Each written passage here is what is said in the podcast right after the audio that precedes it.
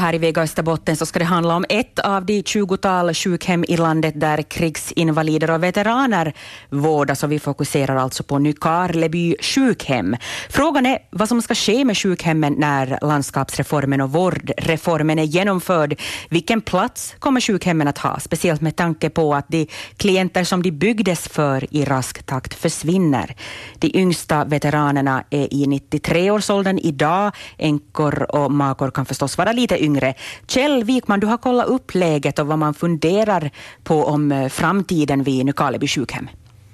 Ja, det har jag gjort innan vi nu ger oss in på, på någon uh, diskussion konkret kring det så tänkte jag att vi skulle kunna börja med ett uh, par från uh, Socklotten i Karleby. Mannen är krigsveteran och jag tänkte höra vad de funderar och tänker och vad de tycker om sjukhemmet. Och, och jag träffade dem i förra veckan när jag besökte sjukhemmet. Mitt namn är Ragnar Eriksson och jag kommer från Såklåt. Egentligen så är vi ju Nykarlbyboar för att och, och, jag är född 23.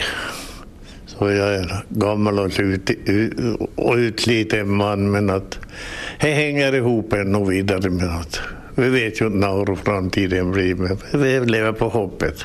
Jag heter Gundel Eriksson och är från Soklotå till början och jag är 1931 född. Ni två, ni, ni är ett par då och ni, ni är alltid här på rehabilitering till, tillsammans då? Ja, vi har nog alltid varit det. Till började med, så länge jag var på Norrvalla, så var jag ensam. Och, och, och likadant när jag var här med så är jag ensam. Men vi tyckte att de som var äh, sämre än mig tyckte att, jag tyckte att de behöver få vara här i Nykarleby som de som gick med rullstolar och, och, och hade svårt att klara sig. Så jag tyckte jag klarade mig bra då, eh, ensam, men att hon ska vara med igen och er efter. Det är väl härligt det att ni kan vara tillsammans? Här. Ja, nog är bra. Det är bra. Och jag har varit här sen jag blev opererad i fick protes i knä. Så då beställde han till komma hit efter operation och det fick vi och här. Det passade in med min samvaro när jag var här. Så passade att hon kom direkt från Vasasjukhuset hit så fortsätter vi här. Nu, vad, är, vad är det bästa då? med vistelserna här? Ni, ni är väl ganska ofta ändå här, kan jag tänka mig? Skötseln och, det, och, och, och vi var gott mottag överallt. Om vad vi vill så får vi hjälp och det är ingen svårighet att på något vis att, att de skulle på något vis tycka att, att vi är som belastning med att vi är, vi är väldigt bra mottagna. Ni är ju en glesnande skara av naturliga skäl förstås, veteraner och, och, och krigsinvalider. Hur känns det då? No, det känns inte riktigt bra för framtiden för att vi är ju lite på sidan bara vi, vi, veteraner mot invalider. De har ju sin framtid här men vi är ju osäkra med oss. Och, och fullt är det ur, ur alla, i alla gamla hem. Och, och jag försöker fråga, men att det är svårt att slippa in någonstans. Vi, vi vet ju att det tar ju slut för oss, för att om vi faller en på golvet och, och en ska lyfta upp så eh, vi får ta hjälp. Men att är vi någonstans på något hem så får vi ju hjälp.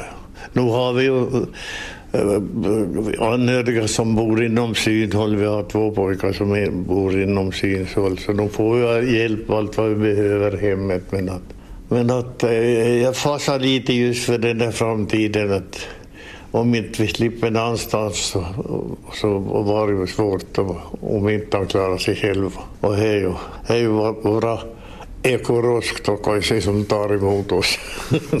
ja, hur, hur, tänker du? No, jag vet inte. Jag tänker inte så mycket på framtiden för vi tar dagen som den kommer. För vi kan inte det här bestämma dagen före, för det är olika varenda dag. Där hörde vi makarna Ragnar och Gundel Eriksson som var lite bekymrade över framtiden. Eh, det finns ju en skillnad där mellan veteraner och invalider och deras ställning när det gäller vården i det läge när man inte klarar sig eh, hemma längre, eller hur Kjell? Ja, eh, så är det. Krigsinvalider med, med skador då som är klassade tillräckligt högt procentuellt sett så, så kan ju få en plats på sjukhem. Övriga invalider och veteraner är hänvisade då till den vanliga äldreomsorgen men mm. då med möjlighet till rehabilitering förstås som vi ju hörde här också. När det gäller sjukhemmets framtid sen och, och, vilka strategier man ska välja då för att överleva så, så hänger ju egentligen allt på utformningen av de reformer som är på gång när sjukhemmet då byggdes och det stod klart där i början på 90-talet någon gång, då var det ju meningen att staden Nykarleby skulle ta över verksamheten när de sista veteranerna är, är borta. Men eh, det har ju rullat reformer över landet sedan dess och, och eh, som det nu då ser ut med landskapsreform och annat så det är inte möjligt för stan att ta över sjukhemmet.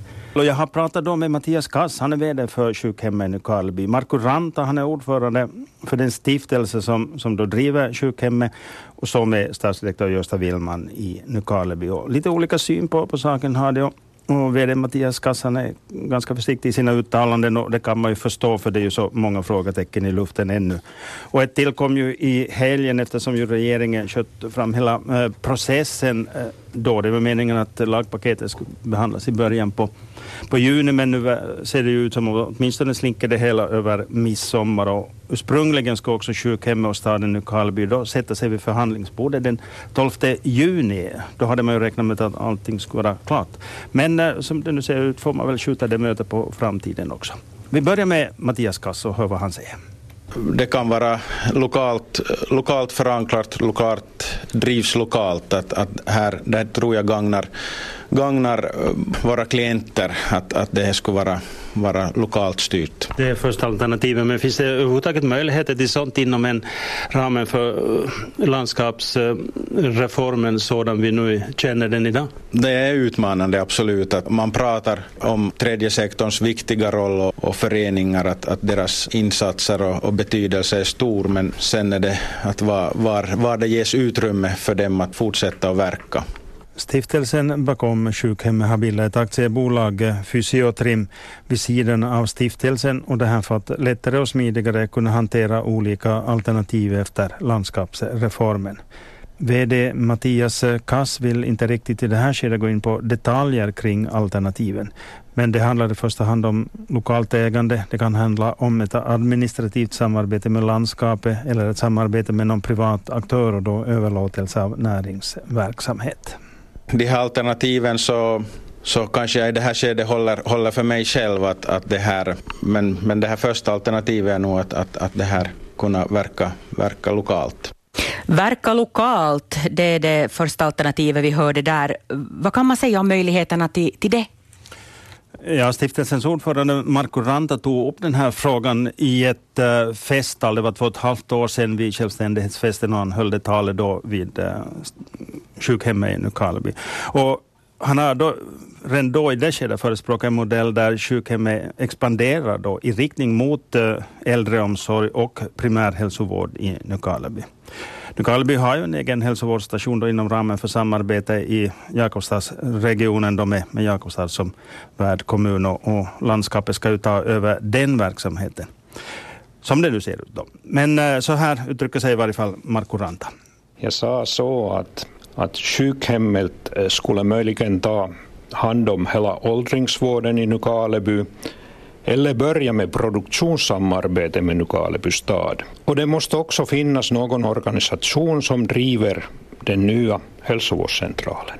I en stad av eh, Nykarlebys storlek med drygt eh, 7500 invånare är det knappast troligt att det finns plats för en offentlig aktör och en privat aktör när det gäller primärhälsovården. Marko Ranta han ställer sig tvivlande till landskapets möjligheter när det gäller primärhälsovården. Det finns förstås sådana personer eh, som har sådana önsketänkande ännu att, att det här landskapet skulle driva HVC eller det här primärhälsovården i Nykarleby. Men man måste vara realist. Och var landar man då? Ja, det är den där stora frågetecken. Och det ska vi diskutera närmare här under kommande månader. Om man tänker till exempel produktions, vårdproduktionskostnader, vad det kostar när, när det här privata producerar vården och vad det kostar om, om det här offentliga sektorn gör den, så ganska fort ser man vartåt man är på väg. Ja, det sa Markku Ranta som verkar vara övertygad om att den privata sektorn ordnar vården billigare än den offentliga och samtidigt ger vinst. Vad kan man säga om den här ekvationen? Ja, man kan väl säga att det är ju bra att tro på sig själv åtminstone. Och, och den privata sektorn den expanderar ju och eh, dagligen kan vi ju läsa om att det ena lokala bolaget efter det andra det köps upp och någon form av svar kanske det då är. Tro på sig själv gör man ju i alla fall. Mm, men alla är inte lika övertygade. Nej, vi ska lyssna till eh, statsdirektör Gösta Willman här nu. Och eh, han har förstås sin starka koppling då till Vasa sjukvårdsdistrikt och han kanske får tala för sin egen sjuka moster då i den egenskapen. Men eh, han tror att det är fullt möjligt för stiftelsen bakom sjukhemmet att bedriva äldreomsorg och primärhälsovård och på det sättet utvidga sitt revir i takt med att det ursprungliga uppdraget småningom klingar ut. Och i, i det samarbetet då kunde också staden Nykarleby ingå i det med en liten pott. Vad nu vi har fått veta, ingen säger definitivt där heller, så finns det inte i lagen någonting som skulle hindra en privaträttslig stiftelse som ju Nykarleby sjukhem är att, att utvidga sin verksamhet och att bedriva, bedriva social och hälsovård i vilken form det Med staden som 19 procentig delägare då? Det är en möjlighet. Sen är det, kan det också behövas någon någon privat för, för att det, det, är nu, det är nu ändå en, ganska, en relativt eh, tuff marknad det här kan komma att bli. Men eh, i första hand så är det ju, är det ju har varit Nykarleby stads uppfattning att landskapet, möjligen i, i, samarbete med någon annan som skulle kunna vara sjukhemmet, tycker jag, ska driva vårt HVC och, och där finns ju den här treårsförbindelsen eh, om fastigheterna. Men skulle det mot förmodan vara så att landskapet inte anser att, att Nykarleby, vilket jag inte kan förstå, ska ha en hälsovårdscentral, då vi talar om närservice och vi talar om det eh, det finns ingen konkurrens och eh, jag tror att 98 procent av Nykarlebyborna skulle registrera sig vid hälsovårdscentralen. Det sa Gösta Willman.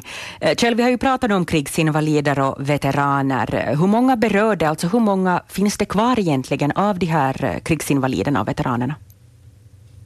Ja, vi kan ta lite siffror här till, till slut. När det gäller invalider, då är det här siffran först för hela landet. Det, mm. det finns eh, 1958 krigsinvalider kvar i landet. 82 finns i Österbotten och så makar och änkor är då till antalet 7246 i hela landet, 321 i Österbotten och, och de här har ju också rätt till rehabilitering. Och på veteransidan ser det ut eh, på följande vis. Där finns ju förstås eh, flera personer.